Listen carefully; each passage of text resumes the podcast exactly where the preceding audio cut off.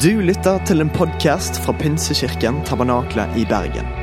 Vi tror at kirken skal være en plass hvor mennesker trives gjennom alle livets faser. En kirke for hele livet. Ønsker du å bli bedre kjent med oss eller holde deg oppdatert? Besøk vår Facebook-side eller ptb.no. Her er ukens tale.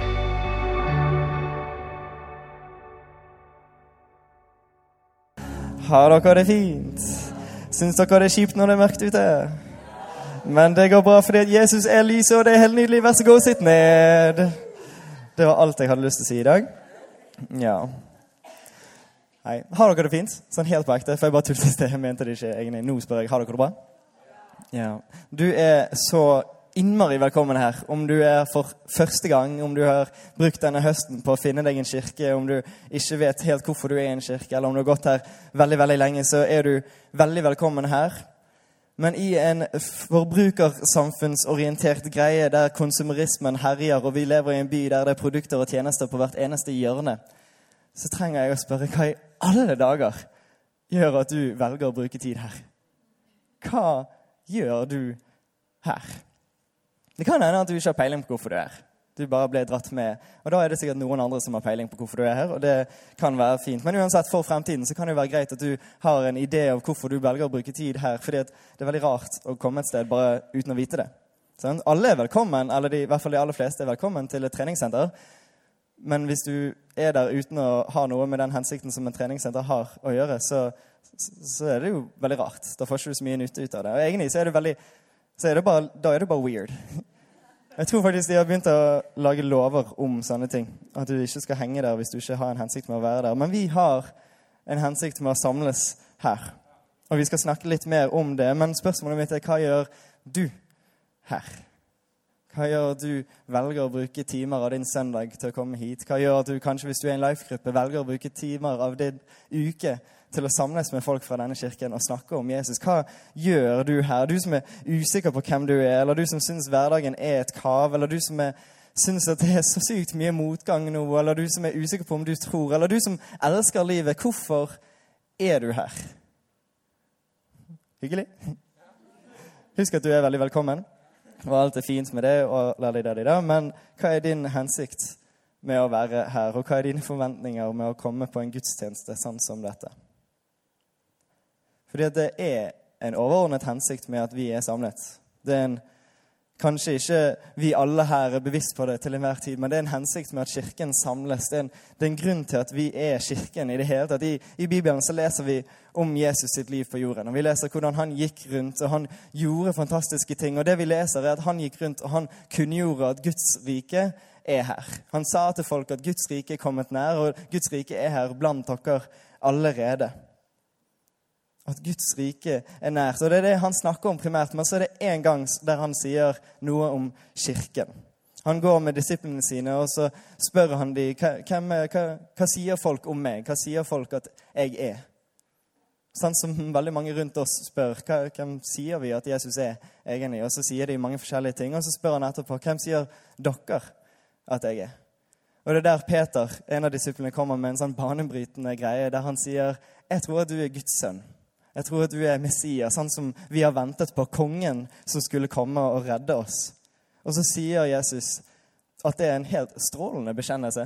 Og det er en strålende tro. Og så sier han at på denne klippen, på klippen av denne bekjennelsen så skal jeg bygge min kirke. Men kirken var ikke ment som en eller annen institusjon eller firma eller en organisasjon, men det er ment som samlingen av Guds folk. Samlingen av de folkene som deler bekjennelse med Peter. Et folk som bærer bildet av at Guds rike er nært. Et folk som skal fortsette Guds misjon i verden. Ikke alene og i vår egen kraft, men med Guds ledelse. Et folk som har fått en ny identitet og en ny hensikt. Et folk med en felles tro, et folk med et håp som vi kan holde fast med. For du skjønner at det vi tror på, det sluttet ikke med at Jesus sluttet der en eller annen gang, men at Gud har en misjon i denne verden fortsatt. Han har en en misjon, en hensikt om å bringe frelse til verden. Altså å bringe en redning og bringe gjenopprettelse til alt det skapte. Tilbake til sånn det var ment til å være, i union sammen med Gud. Skapt til fellesskapet mellom mennesker. og Gud. Det er Guds rike, sånn som det var tiltenkt. Det er Guds misjon i verden. Og så i dette bildet, da, så er vi kirken. I denne misjonen så er vi et folk som er kalt ut. De som tror, de som stiller seg ved Peters bekjennelse. De som allerede har fått sett en liten smakebit av hvem Jesus er. Allerede har fått sett litt klarhet i hva det navnet kan bety. Og sett litt av Guds rike. Og som har fått en ny identitet som Guds barn. Og Peter, han som, eh, som hadde denne bekjennelsen, han skriver i et brev senere der han skriver til kirken, og så refererer han til kirken som fremmede og som utlendinger i denne verden. Fordi at vi har fått en ny identitet. Vi har fått et, et nytt holdepunkt. Vi har blitt statsborger av himmelriket, av Guds rike, mens vi ennå lever her. Og det gjør plutselig at vi i denne verden blir fremmede eller utlendinger. Det virker som om han sier til og med at vi er som folk som lever i eksil. Og det er litt sånn rart å tenke, for vi tenker jo at vi bor jo her. Her er vi born and raised. Eller mange av dere har sikkert flyttet hit. Men så er det veldig rart da å skulle se på seg selv som en fremmed i vår egen by. Men i dette store gudsbildet så er det faktisk det vi har blitt gitt. Gud har gitt oss en ny identitet som gjør at her og nå så lever vi som om vi er i eksil. Så gitt dette bildet. Og hvis vi skal anerkjenne at, at, vi lever i eksil, hvis vi skal anerkjenne at vi lever i en sånn spenning mellom her og nå og det som en gang kommer For det vi tror på, er at Guds rike er her midt iblant oss allerede nå. Det er det Jesus kom og sa, det er det han viste når han gikk rundt og viste en smakebit av den kjærligheten som Gud har for verden. Men så ser vi jo fortsatt at det er elendighet overalt rundt oss. Du trenger ikke gjøre mer enn å se et lite sekund på nyhetene, så ser man jo det. Men vi lever i den spenningen av at vi har allerede smakt, vi har allerede sett, vi har allerede skjønt litt av hvem Jesus er. Og så venter vi og holder fast på håpet om at en gang så skal vi se den fullstendige gjenopprettelsen. Den fullstendige helheten, der vi går tilbake til å være sånn som Gud tenkte at det skulle være. Men i denne spenningen av allerede at vi kan se Guds rike, men vi ikke ser det fullt og helt, hva skal vi gjøre da? Vi som lever som fremmede fordi vi har sett noe! men så skjønner ikke alle andre det. Hvis du har flyttet til Bergen i høst, så, så skjønner du kanskje litt hvordan det er, fordi du har sett noe annet. Og så er det ingen andre her som skjønner det. Bare i, i dette tilfellet så er det vi som har rett, bergenserne. Og dere må bare godta det. Og det er sånn det er. Men sånn generelt så har du da et valg. Har du lyst til å isolere deg som en som kommer fra Indre Sogn til Bergen? Og isolere deg i en sånn liten gruppe av indre sogninger som ikke har lyst til å snakke med andre bergensere. Eller Og da skjønner dere at nå snakker jeg jo sånn om oss som kirken. Å ja, nå skjønte jeg det. Vi har valget som fremmede, som utlendinger, som folk som lever i eksil. Skal vi velge å bare isolere oss? Skal vi leve som kirke i periferien av verden og ikke engasjere oss? Eller man kan velge at man skal bare ignorere at Gud har en misjon. Man kan bare fortsette å leve som ingenting har skjedd, og fortsette å involvere oss i verden uten å tenke på at Gud har gitt oss en ny identitet og et nytt håp. Man kan isolere seg, eller man kan assimulere seg.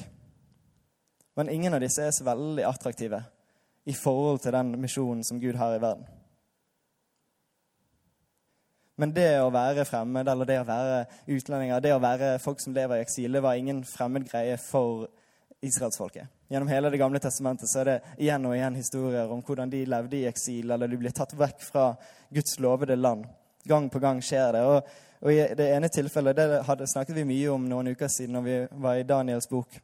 Så, så skriver profeten Jeremia Han var en profet som Gud talte gjennom til sitt folk. Og så skriver han noen tips til israelsfolket. Hvordan skal dere leve nå som dere er tatt vekk i eksil?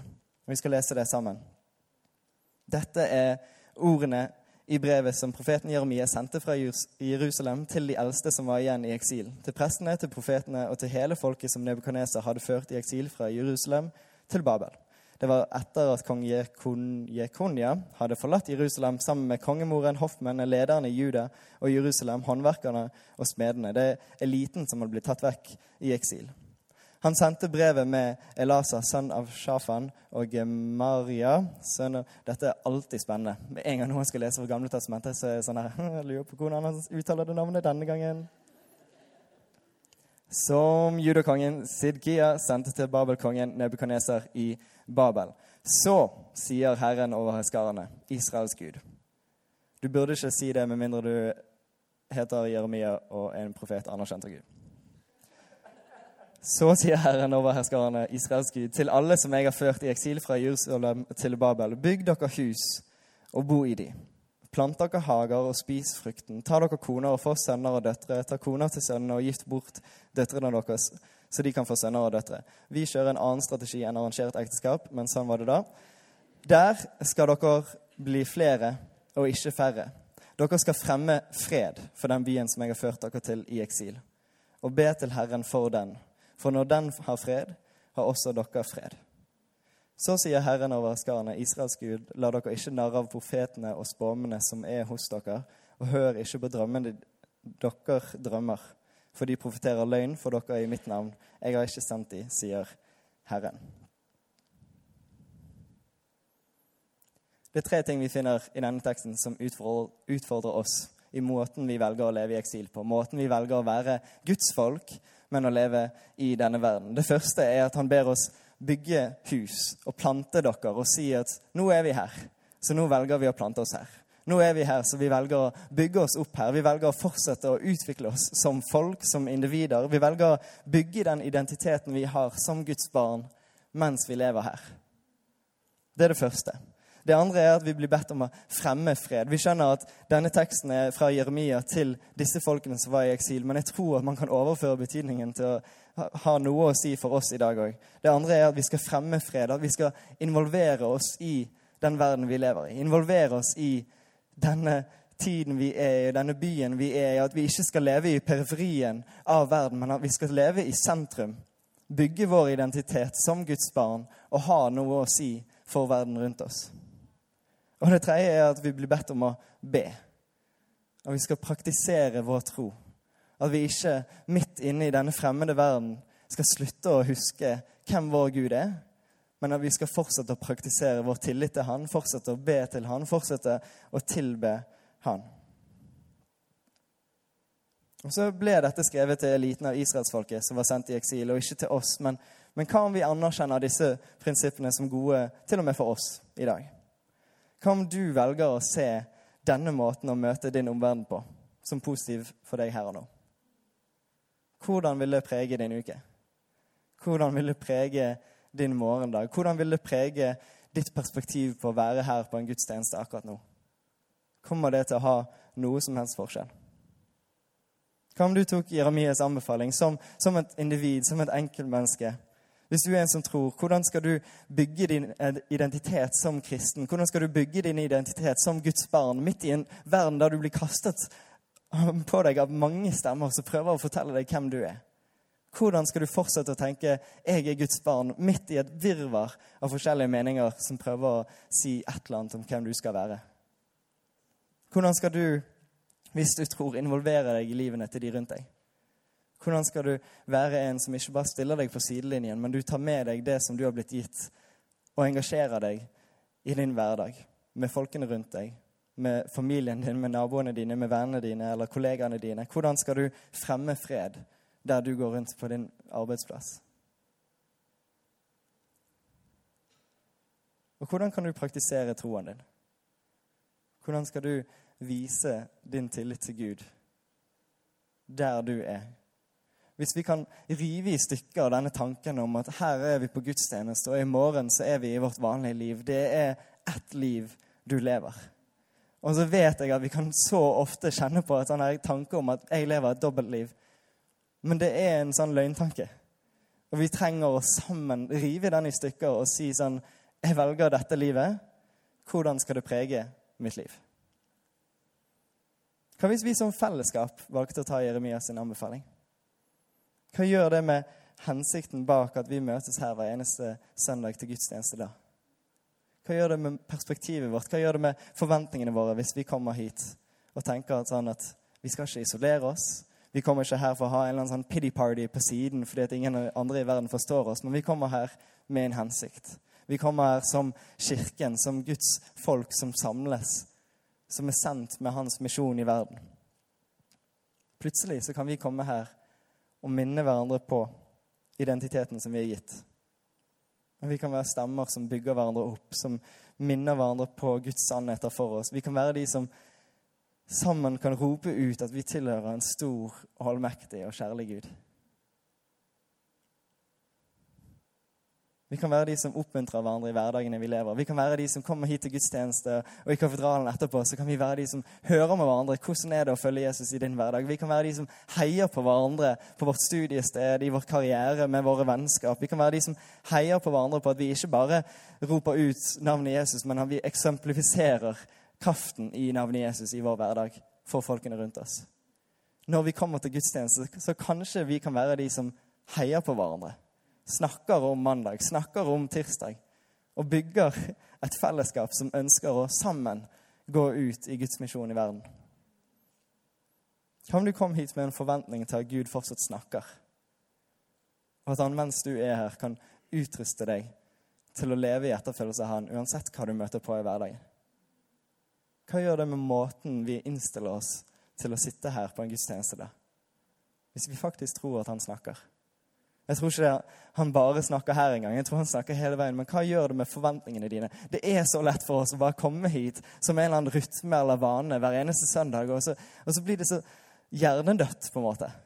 Fordi vi er så vant til det, og vi synger sanger vi har sunget før, og så glemmer vi å ta inn over storheten av hva Gud har gjort i våre liv. Eller storheten av hva Gud har gjort i livet til den jeg sitter ved siden av. Hva hvis vi prøver å minne oss selv på hvorfor vi egentlig er her? Hva hvis vi kommer hit for å tilbe sammen? Ikke bare synge, men virkelig tilbe. Virkelig si med hele vårt liv, med hele vårt hjerte, at jeg setter min oppmerksomhet på deg, Gud. Jeg priser deg for hvem du er. Jeg priser deg for hva du har gjort for meg.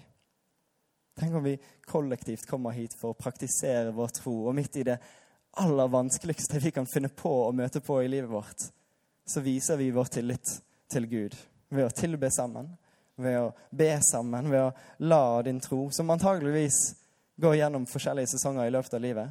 Men tenk om du kommer hit, og så lar du din tro bli utrustet og inspirert av fellesskapet av oss som tror. Tenk om vi kommer hit med en sånn hensikt av at jeg ønsker å tro mer. Jeg ønsker å se mer av hvem Jesus er. Jeg ønsker å se mer av hans storhet. Og det det Jeremia sier videre.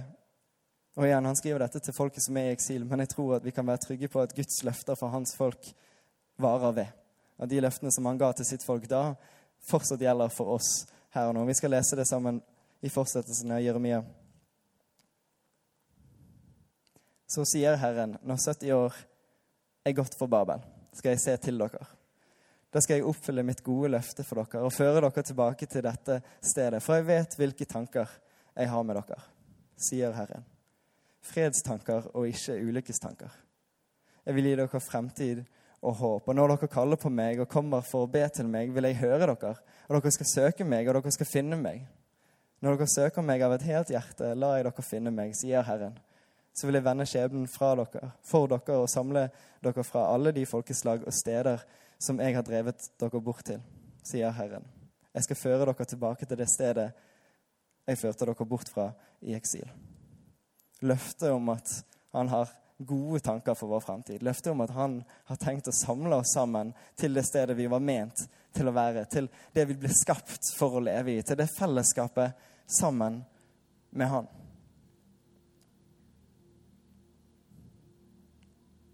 Og det er skikkelig viktig for meg å presisere at du er velkommen her uansett hva du tenker, og uansett hva du tror, og uansett hva din hensikt er, om du har en eller ikke. Men du må vite det at det er dette vi er samlet for i dag. Og det er dette vi er samlet for hver eneste søndag alle ukene fremover. Roald, eh, forsamlingsleder, sa her i sted at vi har hatt ca. 5000 søndager siden denne kirken her startet. Og jeg regner med at vi skal ha minst 5000 til.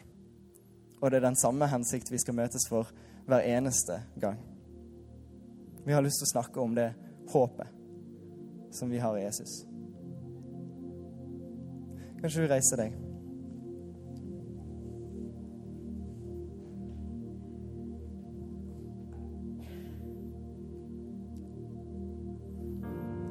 For den gjengen som eh, ble sendt i eksil til Babylon, som Jeremia skriver til, så handlet det håp om et håp om at en gang så skulle det bli tatt vekk igjen fra dette fremmede landet. En sånn okkupasjonsmakt som de ble sendt til. Men for oss så handler det mer om at vi kan minne oss om at håpet er stadfestet i Jesus. At vi kan fryde oss sammen over hva Jesus allerede har gjort. Og det håpet han har gjort synlig for oss gjennom at vi får se en smakebit av Guds rike allerede nå. Fordi vi har blitt kjent med en Gud som ikke tålte å se oss uten et håp. Vi, kjent, vi, har blitt kjent med en Gud som ga alt. Han sendte sin sønn. Han sendte det beste han hadde for å skape en vei til at vi kunne komme tilbake til han, tilbake til den hensikt vi ble skapt til.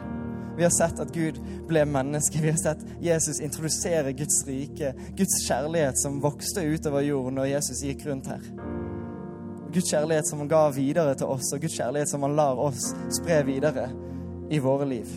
Vi har sett han gå så langt som noen kunne gå, til døden. Og så har vi sett han gjøre det så tydelig at Guds kjærlighet kommer til å regjere over alt. Fordi vi har sett Jesus stå opp igjen fra døden. Vi samles ikke her bare med et håp om at en gang kanskje så kommer vi fri fra denne okkupasjonsmakten, men vi har sett, og vi samles her for å fryde over oss at, at det vet vi at har skjedd allerede.